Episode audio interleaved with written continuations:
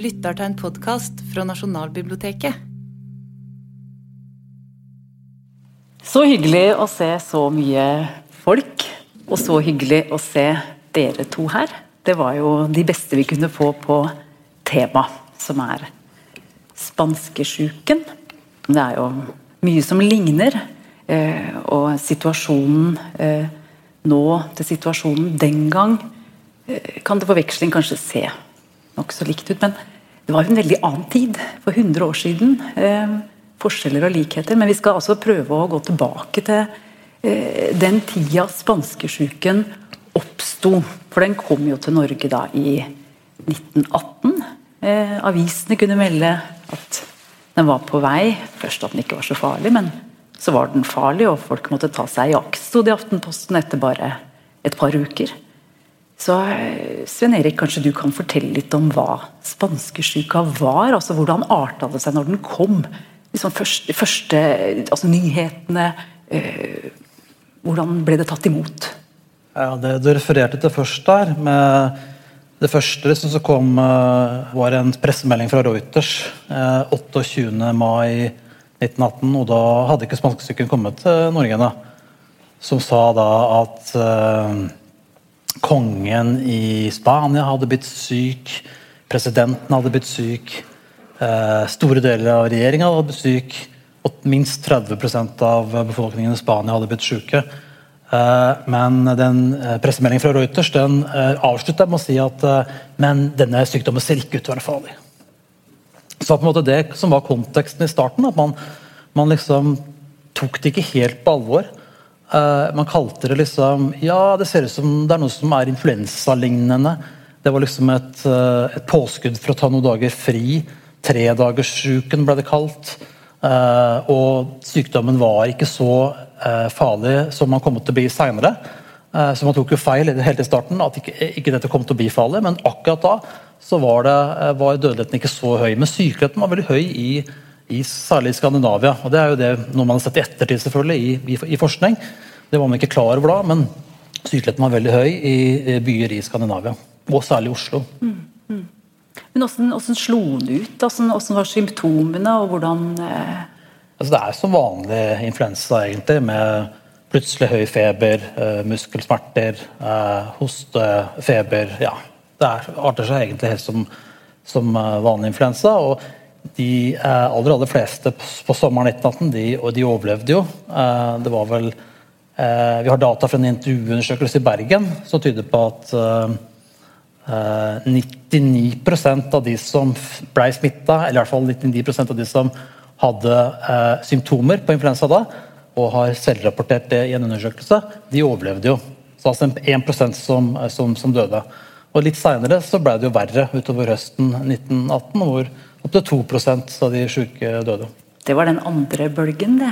Det var den andre bølgen, så det kom jo i bølger der. Mm. Så Til starten så var det en bølge liksom som ramma egentlig hele verden, som på våren og sommeren 1918. Også eh, med høy sykelighet, men ikke så høy dødelighet. Og så kom det og ble verre på, på høsten. Og de aller, aller fleste som døde, døde da høsten 1918. I Norge døde det 15 000, og 10 000 av de som døde, de døde da i løpet av tre høstmåneder oktober, november øh, og desember da, 1918. Dramatiske måneder. Ja. Hvorfor, hvorfor ramma den så, så hardt? Øh? Eh, muligens fire ting. Eh, et svært potent virus. Jeg er ikke noen virusekspert, men jeg forstår det på virologene at dette her var svært potent. Helt nytt virus som relativt få hadde immunitet mot. Derfor spretter det seg fort. Um, og så var det jo en kontekst med krig, eh, sånn at eh, befolkningen var mer sårbar eh, for, for spanskesyken og alvorlige konsekvenser pga. krigen. Og så var det jo en tid med tuberkulose som var veldig vanlig. Og det helt sære med spanskesyken er at de fleste som ble syke og døde, de var jo ikke sånn som man kanskje kunne tenke sånn som covid i dag, så er det jo de eldre og de aller sykeste som dør. Men i 1918 var det unge voksne som hadde høyest sykelighet eh, og dødelighet. Og det falt sammen også med en gruppe som altså unge voksne eh, hadde til dels også en god del latent tuberkulose, som kunne vært trigga av, av spanskesyken og aktivisert tuberkulose. Så tuberkulose var en risikofaktor, og det var veldig alvorlig sykdom på den tida her. Eh, og så var det ulik grad av immunitet i befolkningen. De eldste, de over 70 år, hadde noe restimmunitet til å fighte spanskesyken. De hadde vært borti lignende virustyper i fortida som de unge ikke hadde. Så, eh, og Noe lignende så vi også i 2009, hvor de eldre hadde eh, restimmunitet mot den såkalte svineinfluensaen. Når du husker den i 2009. Mm. Så Det er liksom de grunnene som, som, som er tatt fram i litteraturen da, på hvorfor dette ble så, ble så alvorlig. Ja. Så er det det med, med tida. Altså, det var krig, og folk flytta seg vel mye? Ja, helt, helt riktig det. Det er klart at uh, vi vet jo ikke helt hvor dette oppsto, uh, men det kan godt være at uh, spanskesyken oppsto blant militære og militære, og at soldater tok dette med seg, f.eks. amerikanske soldater tok det med seg over til, til de avgjørende kampene på vestfronten våren 1918. Det, det, er jo en mulighet. Og så skulle de hjem igjen også, disse soldatene etter krigen. Så de kunne også på nytt igjen ta med seg smitte til sivilsamfunnet og tilbake når krigen var over. Så det var masse folkeforflytninger og, og, og, og, ting som skjedde da i forbindelse med krigen og på tampen av krigen, mm. som må ha bidratt til uh, at det ble så alvorlig. Men altså, når, når uh, spanskesjuka kom, da må vi spørre deg litt, Ole. også, Hvordan så helsevesenet ut? Altså, da, tuberkulosen var jo der, og det var jo også en, en som ikke er plutselig og voldsomt som spanskesjuken, så en langvarig og snikende sykdom som var der samtidig? Ja, tuberkulose var jo egentlig den viktigste av, eh, av dødsårsakene, den. I sånn, noen tiår etter 1890 og egentlig fram mot uh, ja, midten av mellomkrigstida, 1930-tallet. Rundt rundt 1890-1900 så døde det 7000 mennesker av tuberkulose hvert eneste år i Norge. Og som Sven Erik var innom, så var jo antagelig eh, bakterielle infeksjoner, altså f.eks. tuberkulose, en av de, også en viktig årsak til at de som først hadde fått influensa, til slutt bukket under da, at de fikk sykdommer som immunforsvaret da ikke var i stand til å takle. For, for, for, fordi det hadde blitt svekka under, under spanskesyken. Helsevesenet var ja, skal vi si, det var mange færre leger. Eh, det var mange færre sykehus. Eh, og man hadde jo ikke, ikke moderne eh, legemidler som man kunne bruke mot bakterielle infeksjoner. Antibiotika. Og BCG-vaksine kom jo først i 1946. Sånn at man var rådløs overfor altså Hvis du fikk først lungebetennelse, så var du bare nødt til å bare ligge der og vente til det gikk over av seg sjøl, eller da at man døde av det. Mm. Mm. Uh, og eh, en ting til i forbindelse med virussykdommer er at det var først i mellomkrigstida også at man fikk ordentlig tak på hva et virus egentlig var. Man hadde mistanke om at, om at virus om at det eksisterte et eller annet som var mindre enn bakterier. fordi man kunne på, også mener at det var på 1890-tallet at man eh, klarte klart å bruke filtre som, som stoppet bakterier, men det var et eller annet som slapp gjennom, også, som, var mye mindre. Så visste man at det var et eller annet, man hadde ikke ordentlig tak på det. Det kom først på 1930-tallet. Mm. Det kan også være en forklaring på at tiltakene mot spanskesyken var nokså puslete. Man, man, man kjempet simpelthen mot en usynlig fiende som man ikke visste hva var. Du hadde Ja, altså det som en, eh, noen kolleger av meg har eh, forska på altså Tuberkulosedødeligheten hadde gått ned i mange mange år før 1918.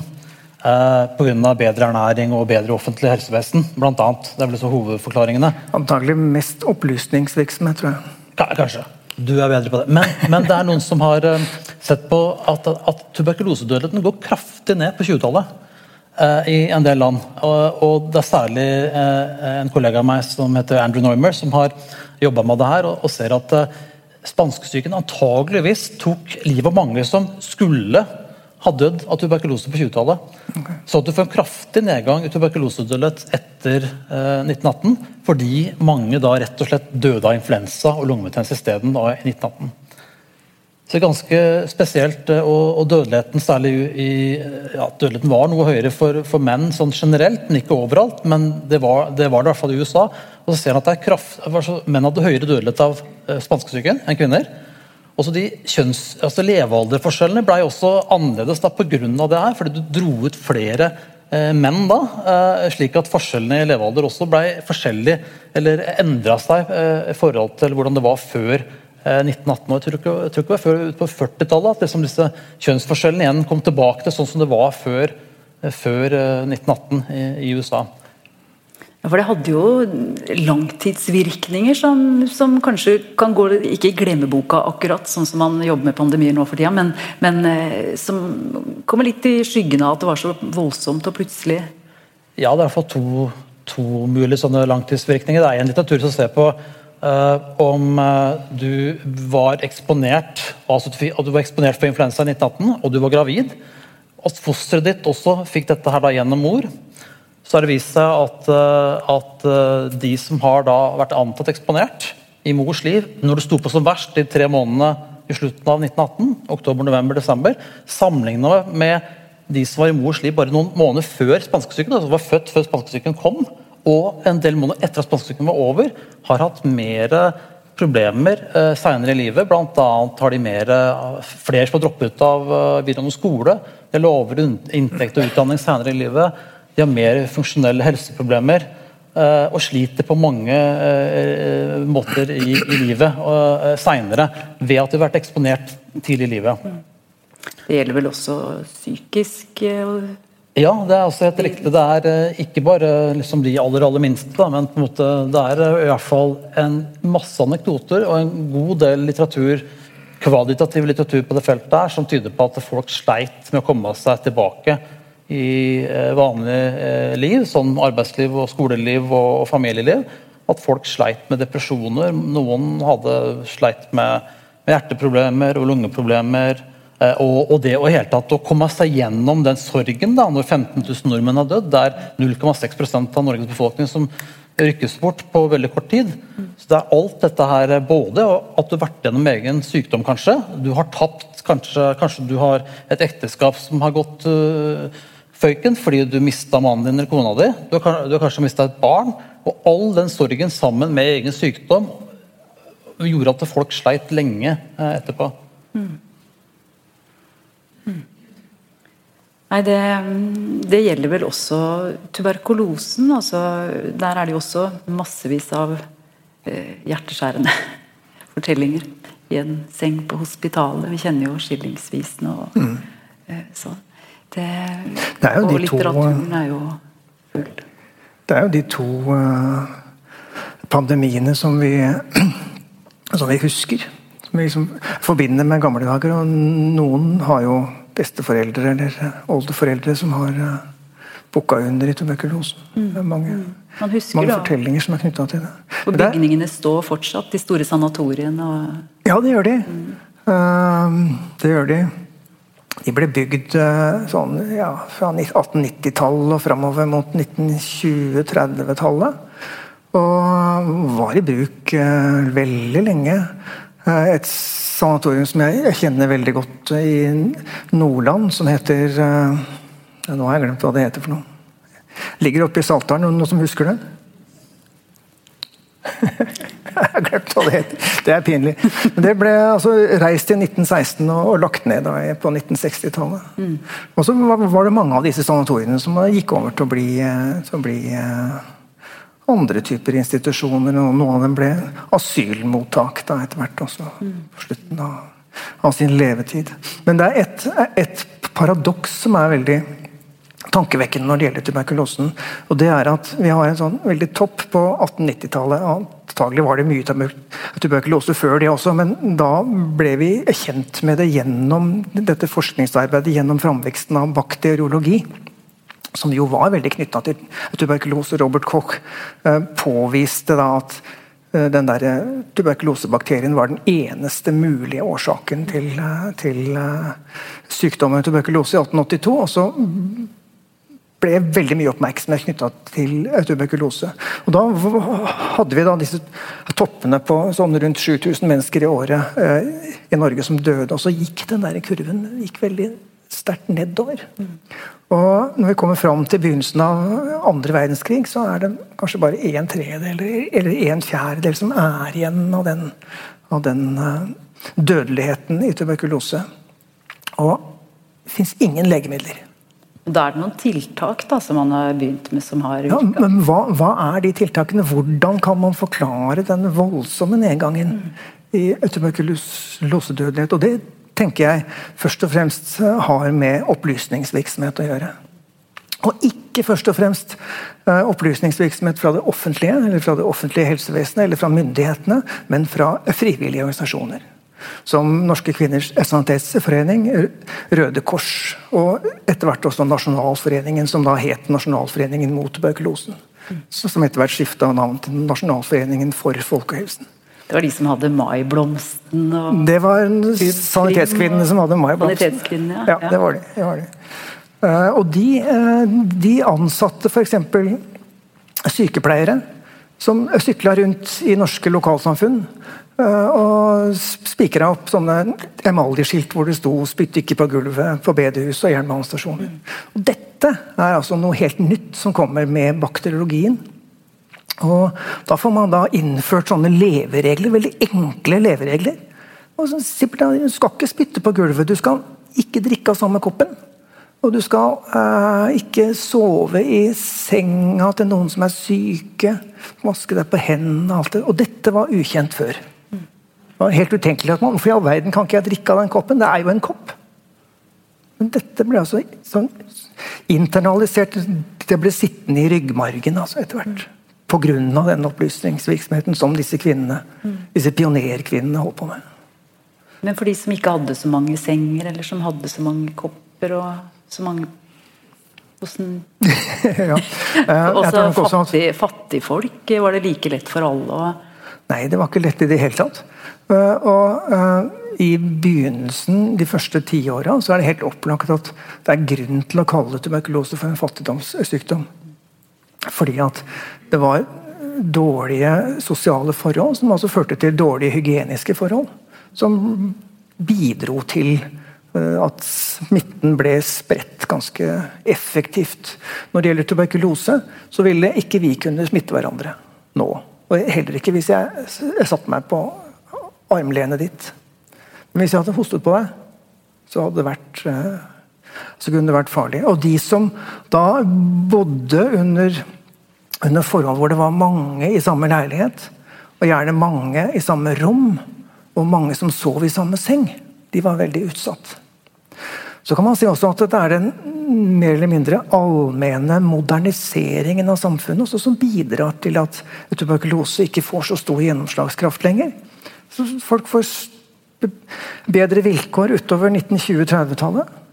Kommer litt, litt, større leiligheter, de får sin egen seng.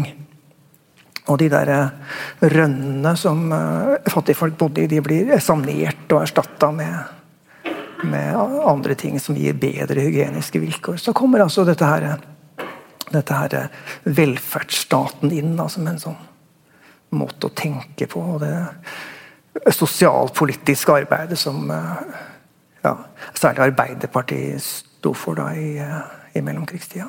Mm. Men det er jo en, en, en spenning også, altså hvor langt man kan altså, hvor, altså nå, nå, beskriver jo du eh, helsevesenets framvekst som også sterkt drevet av sosiale organisasjoner. At du får en sånn veldig brei bevegelse som trekker i samme retning. Da, hvor også de, de små hjem har Eh, husmødrene får, får viktige funksjoner. Eh, avisene, plakater som blir spredt rundt omkring. altså Hele den der bølgen med altså, Hvordan man kunne få spredt, spredt denne kunnskapen. Eh, men andre tiltak, altså opplysning er på en måte litt snilt. Så har man andre tiltak som isolasjon. altså Hvis du ble smitta med tuberkulose eller spanskesjuke, kunne noen si at nei, hold deg inne, du får ikke komme ut. Kunne bli satt i karantene. Hvordan var det? Altså, Det er jo spanskesyken jeg kan best, men uh, altså, jeg har ikke gjort noen egen studie på eksakt liksom, alle disse såkalte ikke-farmasøytiske tiltakene som vi på en måte nå erfarer under covid. Altså Alt fra å vaske hender til å vaske overflater til å holde en meter avstand, så ikke oppsøke store folkemengder, ta mindre offentlig transport, holdt jeg på å si, jobbe hjemme hvis du kan. Alt dette her. Eller stenge skoler og arbeidsplasser og sånn. Eh, det har ikke jeg gjort noen systematisk undersøkelse av sjøl, men det er noen fra USA som eh, har gjort det og sett at eh, det å isolere syke, sette de som er eksponert, antatt for de som har vært syke, i karantene, anbefale folk å ikke oppsøke store folkemengder og stenge skoler, det hadde en effekt på smittespredning og dødelighet i USA. Og de byene som på en måte satte i gang sånne flere av disse tiltakene på likt, de hadde nedgang i sykelighet og dødelighet. Eh, mens de som på en måte eh, slapp de opp for tidlig også, eh, de fikk da eh, på en måte ny smittespredning og ny, ny, dødelighet. Så det var viktig å holde disse her tiltakene eh, jevnt eh, over tid. Da. Men det vi vel også kan si, er at, at det fantes redskaper, det fantes lovgivning som var eksisterende i 1918 som ikke ble brukt. Og det jeg først og fremst tenker på da, det er det som kom i 1900. Den såkalte tuberkuloseloven, som var Europas første lov for å eh, bekjempe tuberkulose. Den kom gjennom eh, sånn iherdig arbeid fra leger, først og fremst. Som eh, da eh, bl.a. forsøkte å, å argumentere overfor et liberalistisk innstilt storting om at det var nødvendig å ha sterke sanksjoner. og Bl.a. Uh, en paragraf som angikk tvangsinnleggelse av tuberkulosesyke. Det mente liberalistene på Stortinget nei, det gikk altfor mye utover den personlige friheten. Det kunne vi ikke ha. Mm. Og I 1918 så er jo kanskje den liberalistiske strømningene enda sterkere enn 1900. Så da må tenkes at det var en av årsakene til at det ikke ble brukt. da. Altså jeg kan legge til at Det ble stengt skole for eksempel, også altså i, Norge, men selv har ikke jeg sett eller at noen har gjort det. Jeg har ikke vært, gjort det selv. Eh, sett på liksom virkningene av disse her, så det håper jeg noen kan gjøre framover. Se på liksom, de ulike legedistriktene i Norge. Eh, det finnes gode data på sykelighet og dødelighet. og Se på hva, eh, hva man gjorde av ulike tiltak, og se om det på en måte har hatt en virkning på sykelighet og, dødelighet. Med skolestenging, det, Skolene ble stengt. Men Var det lokalt, eller var det over hele Ja, det er litt sånn eh, Jeg kan ikke si at det var over hele landet, men at eh, en god del legedistrikter stengte skolene. Ikke alle. Eh, slik at Det gjør at det er mulig å studere effekten av skolestenging. Da, hvis man faktisk henter disse dataene inn. Men som sagt, jeg vet ikke da på en måte noen studier som har vist at det hadde en effekt, men sannsynligvis hadde det antageligvis det. Og Så var det stortingsvalg også høsten 1918. Så det blei jo anbefalt uh, å altså Valgmøter ble avlyst, f.eks. Ikke sant? Og, så, så, dette her var også en måte å si at der vil du, du sannsynligvis da treffe mange andre. og du ville blitt smitta lettere hvis du deltok på valgmøter. Så sånne ting også ble avlyst. Kinoer og Kinoer også, ja. Kafeer og sånn. Litt av det ble, ble stengt ned noen, noen Rett uker. Rett etter freden? Ja. ja. Nettopp. I nettopp november 1918. Mm. Men det var vel mest lokale initiativer, dette her? Altså noen sånne uh, ildsjeler som Blant legene som klarte å kjempe gjennom sånne tiltak? Ja, som vi, vi, hadde en samtale i går om dette her. og jeg, jeg, altså, Sånn som jeg har lest uh, den historien her, så det ikke, var det ikke liksom noen nasjonale retningslinjer som sa at nå skal alle legedistriktene stenge skoler. Nå skal alle legedistrikter uh, forby uh, valgmøter uh, og, videre. Det var det ikke, altså, sånn som jeg har sett det. Så, ikke noen beredskapsplaner? Det var ingen beredskapsplan i 1918. Mm. Men jeg vet at Norges kvinners sanitetsforening og Røde Kors uh, med noen flere, uh, anbefalte De sa liksom Nå har vi jo sett hvor alvorlig spanskesyken vi var. Eh, alvorlig spanskesyken var. Og at vi ikke var forberedt på noe sånt.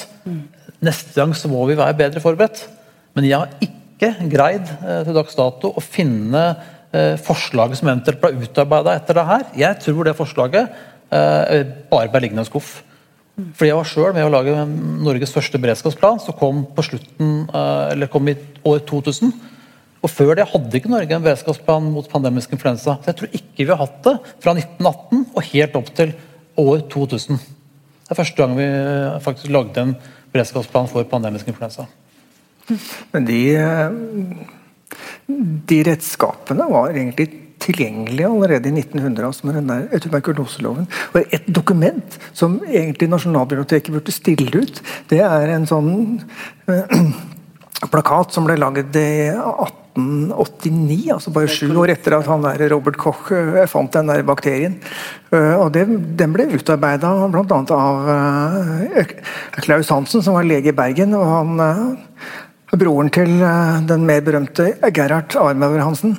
Han lagde da en ganske omfattende plakat med råd om hvordan man skulle opptre for å unngå tuberkulose. Og, man, og de som gikk på vasking og renhold og, og akkurat de samme greiene som vi holdt på med nå. ikke sant? De, sprit og alt og hele faller utan. Mm. Og, øh, og hvis vi går inn på Folkehelseinstituttets hjemmesider nå og ser på hva de anbefaler når det gjelder tuberkulose, så er det søren meg akkurat det samme. Altså, det viktigste forskjellen er at de anbefaler støvsuger. Det hadde ikke Klaus Hansen. Men det er ganske slående det da, ikke sant? å se at i dag heller har vi jo ikke noe vaksine mot covid. Vi har heller ikke noe antivirale legemidler som funker.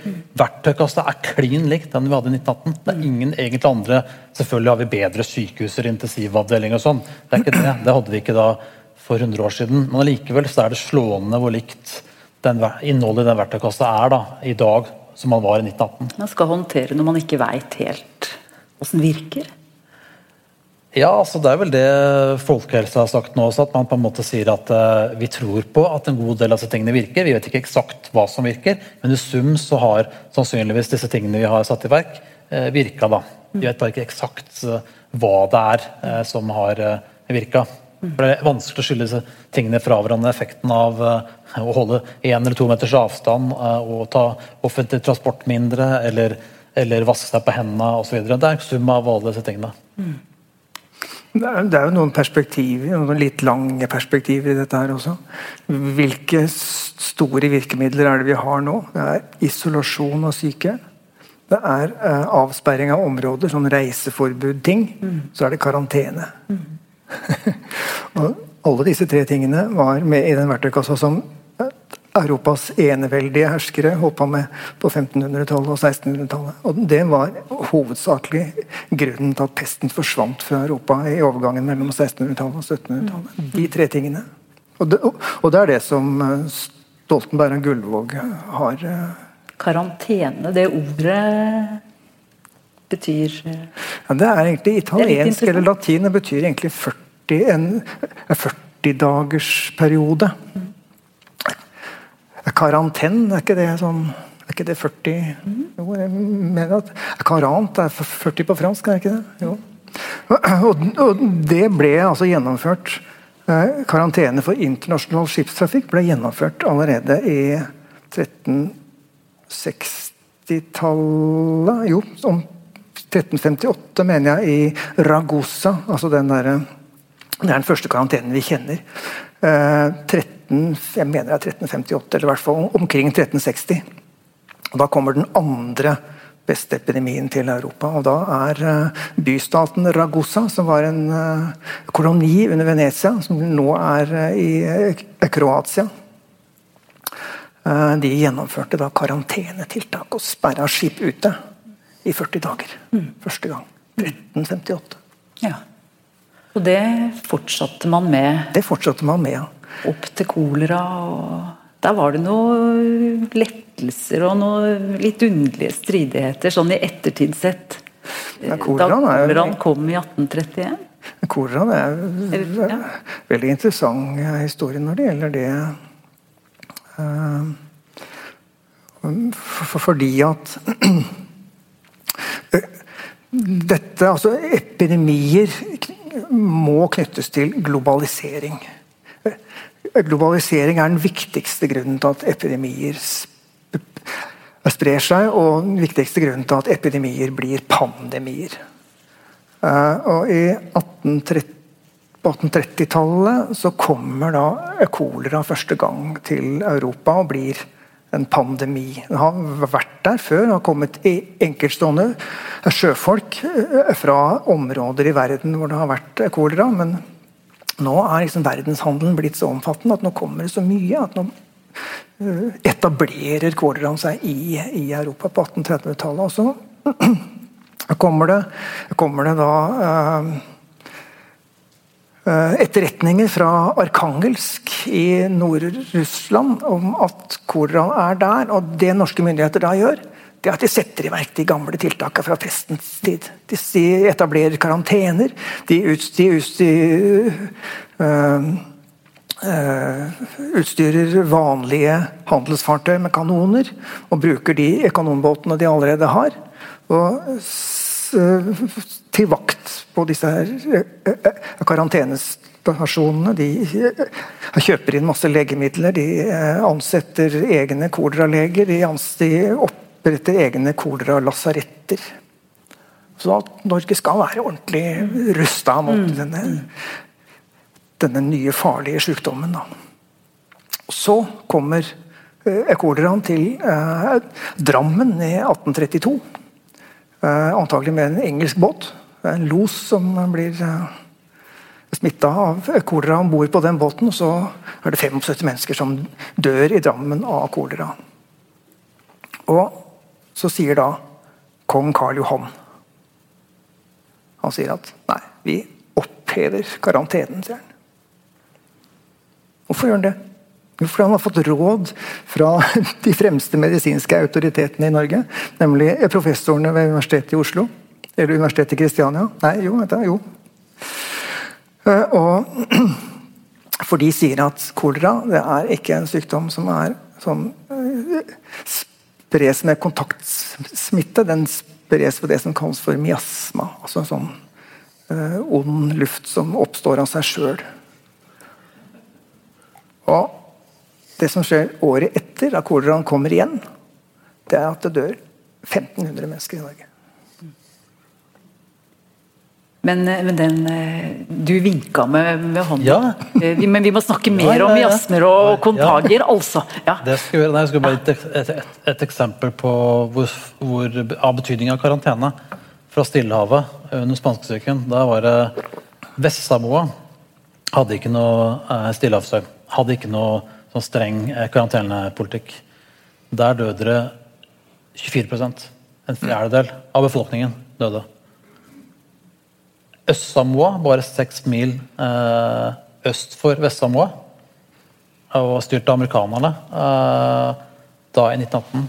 Eh, de hadde en sterk, streng karantenepolitikk av innkommende skip, og unngikk spanskesyken helt. Ingen, ingen syke, ingen døde. Versus en fjerdedel av Vest-Samoas befolkning som, som, døde. Altså, så det, virkningsfullt tiltak? Virkningsfullt tiltak, ja. Mm. Det er ingen tvil om at det er virkningsfullt. Men, men eh, vi, må, bare dvele litt ved, ved denne utrolig spennende historien. Rent vitenskapshistorisk så er det jo også interessant, i og med at de her giftstoffene og miasmata er, tilhører en gammel kunnskapstradisjon. og altså, Den kan føres tilbake til Hippokrates. Og så er det på en måte den altså, altså det, og så har du det altså, Om det eh, overføres med smitte, foregriper bakteriologien Det er lett å tenke at det er det gamle mot det nye, at noen var forutseende og kunne foregripe, og at noen var gammeldagse. Men, men det her var jo cutting edge eh. Miasmatikerne var jo over hele Europa, eller? Ja, Det som var litt spesielt, er også at de som da eh, trodde på at kolera var miasmatisk i, sitt, i sin natur, de, de, var jo de fremste legene i hele Norge. altså Fredrik Holst og Magnus Tulstrup. De var professorer, de visste hva de holdt på med, de. ikke sant? Mm. og de, de oppfatta da den miasmatiske forståelsen som nyskapende. I forhold til den gamle kontaktsmittetankegangen som folk hadde holdt på med helt siden pestens tid. De mente det var gammeldags. Mm. Så de lanserte dette her. Men tankene om miasma som sykdomsårsak var jo også noe som de tidlige pionerene innenfor bakteriologi og laboratoriemedisin, altså Louis Pasteur og Robert Koch, måtte kjempe med på 1860-, 70-, 80-tallet. Mm. Og man kan tenke seg at altså, Miasma det forstås da som en form for ond, ond sykdomsfremkallende luft, og den kan oppstå av seg selv. Altså Uten nødvendigvis noen sånne ytre ytre årsaker, sånn som bakterier eller virus. Men den kan, spontant, liksom? sånn? Ja, det er bare spontant. Ja. Uh, I motsetning til, til da bakteriologiteoriene som forutsetter at det er et eller annet som kommer. Et eller annet, Og ødelegger. Ja. et eller annet ødeleggende som kommer utenfra. Men uh, miasma kan også da uh, spres med altså Luft snakket vi om, men vann og gjennom jord. Og også gjennom gjenstander. Så hvis jeg har miasma på fingrene og tar i vannglasset ditt, så er det befengt. Da kan ikke du ta på det uten å bli syk. Så det ligner jo veldig. Og dette er så gammelt som du sier, tilbake til Hippokrates, da er vi så 400 år før vår tidsregning. Fleksible teorier? Veldig veldig fleksible, og det virka jo, det virka jo veldig bra. Altså. Mm. Så hvis disse tankene om miasma kunne få folk til å holde seg unna folk som var syke, og ha sosial avstand og ikke, ja, ikke, ikke å unngå forsamlinger, unngå bryllup og sånt, så var selvfølgelig det effektivt. Og dette var jo faktisk tiltak som ble satt i gang under pestens tid. altså. Mm. De aller første tiltakene vi har i England, 1518, går nettopp på det. Og, eh, eh, og eh, finne de personene som er smittekilder, isolere dem og få folk unna. Ja, så selv i, i 1918 så, så, var det fortsatt leger eh, og lekfolk selvfølgelig som trodde på miasmer. Eh, selv om det var i hovedsak liksom, en idé om at, her, at influensa var en, for eksempel, da, var en smittsom sykdom. At det var dråpesmitte og kontaktsmitte som var liksom hovedgreia. Mm. Men uh, det var noen som trodde på at det kom etter et vulkanutbrudd. F.eks. på Island var det kraftige vulkanutbrudd under spanskesyken. Og kraftig spredning av spanskesyke etter vulkanutbrudd. Så da liksom tenkte man dette må da henge sammen med vulkanutbrudd. Så kunne disse miasmene også uh, på en måte komme ut i forbindelse med vulkanutbrudd. Eller var det kanskje alle disse, etter alle likene på slagmarken? liksom? At det nærmest bare miasmene kom opp og opp, dunste opp alle disse her eh, likene etter første verdenskrig. Eller fra basarene i India. liksom. Altså Det var sånne ideer eh, om miasmer. Men det gjenspeila seg vel også i sanatorietenkningen? Altså friske fjelluftsteder hvor du, kunne, hvor du skulle ha liggekurer og ligge ute i frisk luft. Og da var jo lufta helbredende og ikke ond. Så, så det er jo det er noe rart med den lufta. Ja. hvis det er Hvis det er frisk luft, så er det jo fint. Hvis det er ond luft, så er det dumt. Uh, ta en tur ned på Rikshospitalet, det, det gamle Rikshospitalet, og se på de der svære murene der. Hvorfor er de bygd? De er bygd for å holde miasmene unna. Hvorfor er Ullevål sykehus spredt ut på et digert jorde? Med lang avstand mellom de opprinnelige husene. For at ikke miasmene skal hoppe fra det ene huset til det andre. Det er så enkelt. Men de var vel også knytta litt til sånne arbeiderkvarterer og sånn? Altså ja da. Miasmer kan oppstå uh, av uh, vulkanutbrudd eller av jordskjelv eller uh, stillestående vann eller lynnedslag. Men den viktigste årsaken til miasmer er kanskje forråtnelse. Mm. Uh, altså Tanken om at uh, noe som lukter vondt, også er sykdomsfremkallende, det er ikke helt uh, ulogisk for oss heller. Men det er, ikke, det er, ikke, nødvendigvis sånn at ting som lukter vondt, at man nødvendigvis blir syk av det. Man blir ikke nødvendigvis syk av å være møkkete. Men det er klart at bakterieflora sprer seg i, i, i, dyrekjøtt som ikke er godt nok oppbevart. Og i, i middelalderen og gjennom 1500- og 1600-tallet så kommer det masse, masse, masse lover som påbyr slaktere og fiskehandlere om å være ordentlige når det gjelder å, å, å passe på at kjøtt og fisken ikke begynner å råtne. Og lover som pålegger byboerne om å holde eh, husdyr unna gatene. Og skyfler unna møkk og sånt. Så etter hvert så kommer sanitærbevegelsen og skiller kloakk og vann. og så blir det liksom greie på ting. Mm. Mm. Men sanitærbevegelsen som oppstår da i England på 1840-tallet, de var mye astmatikere. Mm. Og de kjempet et hard kamp mot, uh, mot uh, andre deler av, av, det medisinske establishment, som da holdt på kontaktsmitte. som en mm. Ja, men Det er interessant, fordi at de to har jo blitt satt opp mot hverandre ofte. Og så er det kanskje ikke så stor forskjell i praksis likevel. Da. Altså Det virker jo som denne praksistenkningen kanskje har hatt eh, vel så mye betydning som eh, eksakt kunnskap om hva som er smitteårsaken i mange av pandemiene, eller? Altså tenk på spanskesjuke, man visste jo ikke helt hva slags Altså kunnskap om uh, uh, Som sagt, de fleste trodde på at det var en smittsom sykdom, men de visste jo ikke De trodde det var en bakterie. Altså, man hadde ikke kommet helt dit enn at man hadde skjønt at dette her skyldtes eh, et eh, virus. Eh, det var ikke før i 1931 at man første gang fikk isolert et influensavirus i svin og i mennesker i 1933. Så det gikk noen år etter spanskesyken før man forsto at dette her ikke da var en bakterie. Det ble kalt Pfeiffer, Pfeiffer en tysker som visstnok hadde sett Pfeiffers uh, basill, eller Pfeiffers bakterie, i, i, i, liksom, i, mange av kroppene til folk som hadde hatt influensa og dødd av influensa. Uh, og Den mente man også at man liksom så i stor grad da, og som var årsaken til, til influensa. Pfeifers bakterie. Men det var det jo ikke, da. Det var influensa, det var et virus som uh, forårsaket sykdommen. Men det kom altså noen, over ti år etterpå. Mm. Tenk på det med smitte. altså Før, før bakteriologi og før pest, eller tidlig pesttida også. Eh, syndebukker. Man lar skylda på noen som kommer med smitte. Altså, det, er et eller annet med, med, med sykdom og smitte og skam, og, og, kanskje til og med folkegrupper. altså Noen er utsatt for, eh, for å bli de andre. Da. Altså, vi vil ikke ha smitten fra de andre. Er det hyttestengninger i vår tid, så er det folk som ikke må komme til hyttene sine. Altså Det blir jo veldig fort en sånn eh, beskyttelsesmekanisme som slår inn. Eh, kjenner dere igjen det fra pandemihistorien?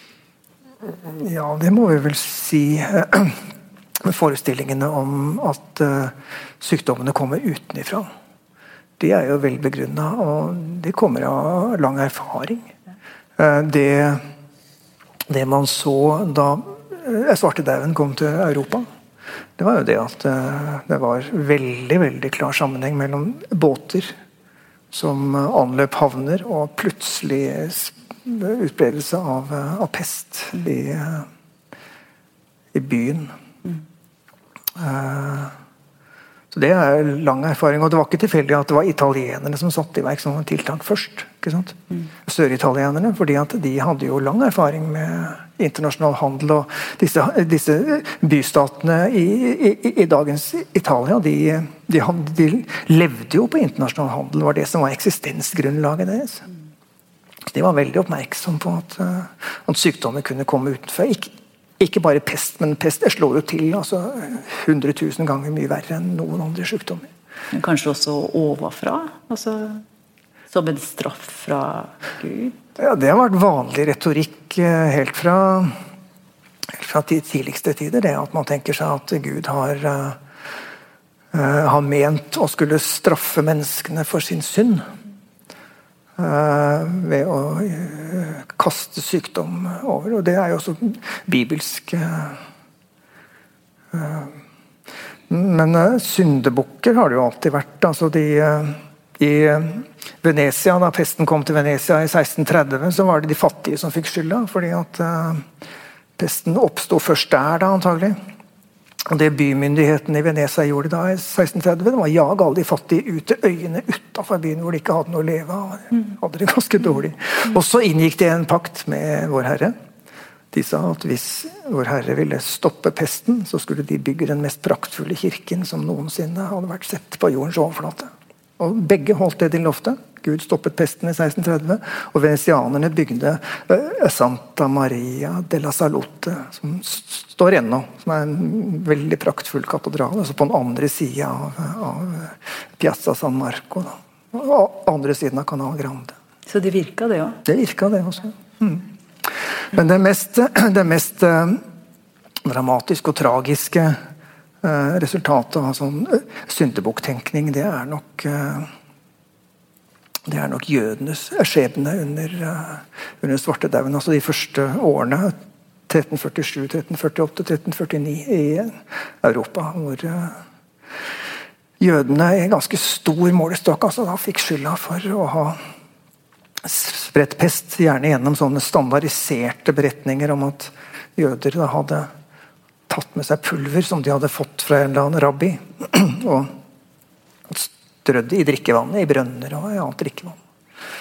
Og det er tusenvis av jøder da, som ble brent eh, pga. at de ble tatt for å være syndebukker. Nå er ikke pogromer noe ukjent fenomen før det heller, men omfanget av jødeforfølgelse var altså veldig, veldig veldig stort uh, i den tiden. der. Men det stoppet.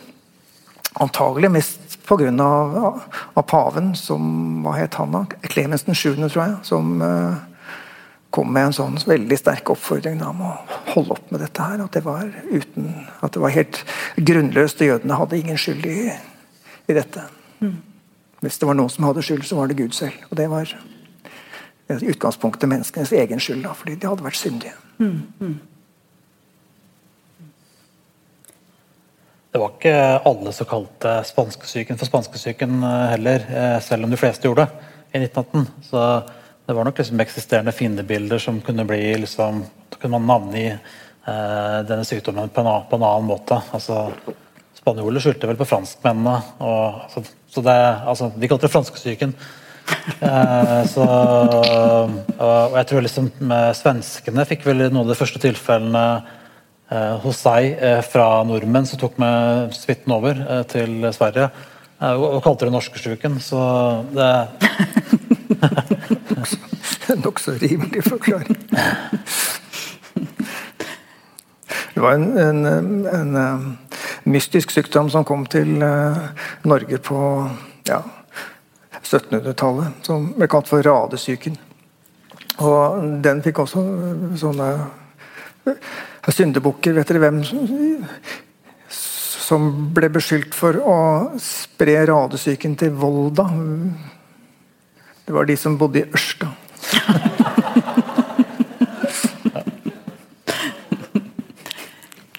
Vi har blitt enige om å åpne for spørsmål fra salen, for det er alltid så gøy. Eh, så, eh, for her kan vi sitte og snakke lenge. Det er mye vi ikke har snakka om, men dere har sikkert også spørsmål. Eh, det er en mikrofon som står der. Så hvis noen har lyst til å si noe, så hjertelig velkommen.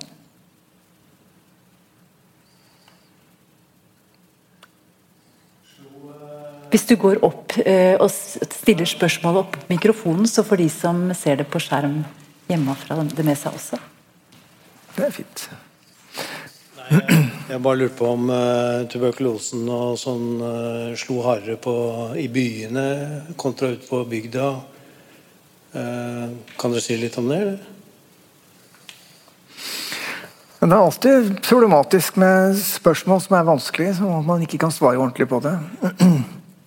altså hvis Ja, jeg tror jeg kan si det, bare sånn at jeg tar det litt ut av av bakhuet at jo tettere folk bor sammen, jo tettere befolkning, jo større uh, sjanse er det for at tuberkulose vil uh, etablere seg. Mm. Men det er jo også beretninger om, om familier på landet som blir tatt av, av tuberkulose. Og i noen tilfeller som jeg kjenner spesielt godt til, fra Nordland, så blir jo hus brent. Altså Bondegårder blir brent fordi familien har hatt uh, tuberkulose. Da blir de jagd fra huset, og så blir huset brent. Men uh, uh, tettbebyggelse er, er gjør at tuberkulosen får mer sjanse til å etablere seg. Jeg tror nok det er sånn gjennomgående. Ja, det er både, det er både der, det at du, det er lettere å bli eksponert og, og smitta. Men bolig, boligkvalitet og, sånn kan også bety noe. Altså, at Boligkvalitet kan f.eks. påvirke andre typer sykdommer som du kan få som ha, eller om du har f.eks. astma pga. dårlig boligkvalitet. Det, det, er en mulighet. Uh, den type ting vil ikke være noe fordel jeg, samtidig hvis du har tuberkulose eller influensa. for den saks skyld. Det er risikofaktorer for å få, få alvorlige, mer alvorlige forløp rett og slett, da, med å ha flere samtidige sykdommer. Da. Mm. Vi har et spørsmål til.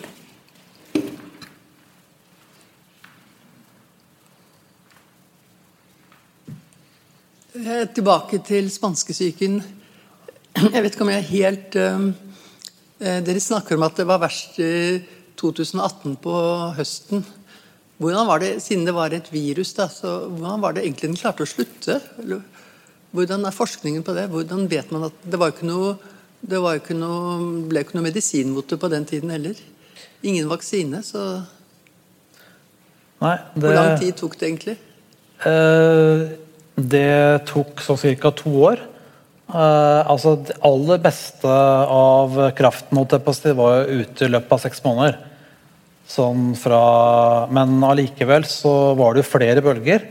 Eh, jeg nevnte jo at det var en på sommeren 1918 og en på høsten 1918, men så var det rundt juletider en ny bølge, altså rundt juletider 1918-1919, som strakte seg langt utover eh, vinteren 1919. Og så var det områder av verden som ikke hadde vært, hatt spanskesyken i 1918 og 1919, som eh, fikk det også eh, vinteren 1920. Blant annet var det et stort utbrudd i Enare i i Nord-Finland, eh, hvor 10 av innbyggerne eh, døde. Eh, som fikk det da. Mens det har disse virusene Det er jo sånn at selv om man satte i gang mange sånne såkalte ikke-farmasøytiske tiltak da også, altså alt ifra vi om isolering til karantene, vaske hendene, stenge skoler, forby valgmøter osv., osv. Så det hjalp jo på å stoppe smittespredning, det. Men veldig mange ble jo til slutt smitta i den første, andre eller tredje, fjerde bølgen. I starten så er mange mottakelige og får dem. Etter hvert så vil det være flere som har vært igjennom det og opparbeida immunitet. Uh, og til slutt så vil disse så ebba jo for så vidt spanskesyken ut av seg sjøl pga. at uh, en større del av befolkningen hadde vært, i, vært igjennom det. Og så pleier disse virusene da til slutt bare å inngå som en del av de sesonginfluensavirusene som sirkulerer med oss uh, hele tiden. Eh, så det er det vi tror, at det bare blei en del av det som ble sesongen for influensavirus på, på 20-tallet. Det er det som er eh, sånn det er med disse virusene. Og det vi hadde i 2009, det der svineinfluensaviruset, er direkte etterkommer. Så, hvis man lurer på om det spanskesykeviruset er borte, nei, det er det ikke. Det var en direkte etterkommer av, av spanskesykeviruset, det vi hadde i 20, 2009. H1N1-viruset. Selv om det da kom en annen variant, så er det direkte etterkommer av det, det viruset. Uffa meg. Så borte vekk er det ikke. Det finnes til og med laboratorier i USA, det eksakte spanskesykeviruset, som de har da eh, blåst, til, blåst liv i. i så det, det, finnes, det også. Tror. Mm. Så kan man jo si at eh, tanken om at uh, pandemiene eh, tid er over, er altså ikke, ikke tilfellet. Pesten lever i beste velgående i verden i dag. Dør eh, hundrevis, kanskje tusenvis av mennesker Nei, ikke dør, men eh, det er tusenvis av mennesker som blir syke av pest hvert eneste år. Også i et land som USA. Ja, vi kunne sitte her i timevis jeg vil bare da si tusen takk til dere to, Svein Erik Mamelund og Ole Georg Mose. Og til publikum som har sittet her og hørt på og stilt fabelaktige spørsmål. Takk for i kveld.